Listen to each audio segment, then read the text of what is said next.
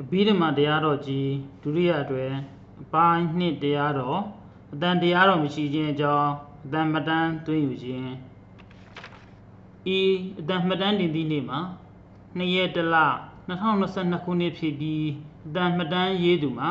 ပရိယတ္တိပဏိပတ္တိစာပေပြန်ပွားရေးဖွဲ့ဝင်ဦးရဲထွန်းအောင်ဖြစ်ပြီးအတန်မှတ်တမ်းသွင်းသူမှာပရိယတ္တိပဏိပတ္တိစာပေပြန်ပွားရေးဖွဲ့ငယ် လက်ထောက်အုပ်ချုပ်ရေးမှူးဦးအောင်ကိုမြင့်ဖြစ်ပါသည်2020ခုနှစ်တွင်ဗုဒ္ဓသာသနာ့ကအဖွဲ့ဝင်များသည်မဟာစီဆရာတော်ဘုရားကြီးရေးသားဟောကြားတော်မူခဲ့သော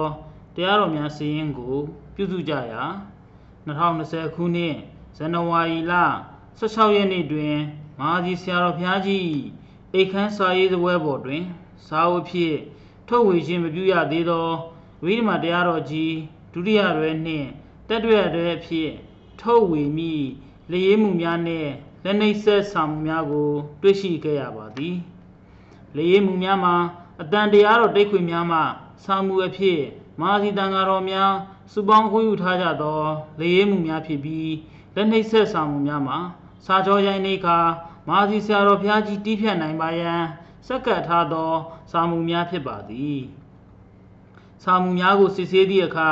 မာစီဆရာတော်ဘုရားကြီးလည်းရေးဖြင့်မှတ်ချက်ပြုတိဖြတ်ပေးထားသည်များကိုလက်နှိပ်ဆက်ဆောင်မှုများတွင် တွေ့ရှိရပါသည်အထက်ပါဆောင်မှုများကိုဗုဒ္ဓသာသနာ့ဥက္ကဖွဲ့ချုပ်မှစုဆောင်းရရှိထားသည့်တရားတော်တန်ဖိုင်များနှင့်တိုက်ဆိုင်စစ်ဆေးသည့်အခါ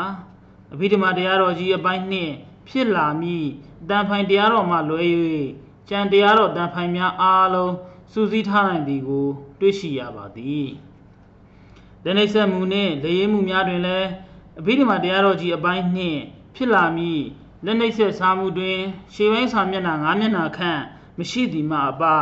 တရားတော်ပိုင်းများအားလုံးပြည့်စုံစွာရှိနေသည်ကို တွေ့ရှိရပါသည်ယခုတရားနာယူနေကြသောယဟန်ရှင်လူယောဂီပရိသတ်ပေါင်းတို့အားအဘိဓမ္မာတရားတော်ကြီးဒုတိယရွယ်ကို ဗုဒ္ဓသာသနာ့နှုတ်ခအဖွဲ့ချုပ်ပရိယတ္တိပဏိပတ်တိစာပေပြန်ပွားရေးအဖွဲ့မှမဆူစီးနိုင်သေးသည်ကိုဤအတန်ဖိုင်ဖြင့်မှတ်တမ်းတင်အတိပေးလျှောက်ထားပန်ကြားအပ်ပါသည်ဤတရားတော်တန်ဖိုင်ကိုရရှိထားသူများရှိခဲ့ပါလျင်ရန်ကုန်မြို့မဟာစီသာသနာ့ရိပ်သာဗုဒ္ဓသာသနာ့နှုတ်ခအဖွဲ့ချုပ်ပရိယတ္တိပဏိပတ်တိစာပေပြန်ပွားရေးအဖွဲ့သို့ ဆက်သွယ်လူဒန်းပေးနိုင်ရန်လေးစားစွာဖြင့်လျှောက်ထားပန်ကြားအပ်ပါသည်ခမညာ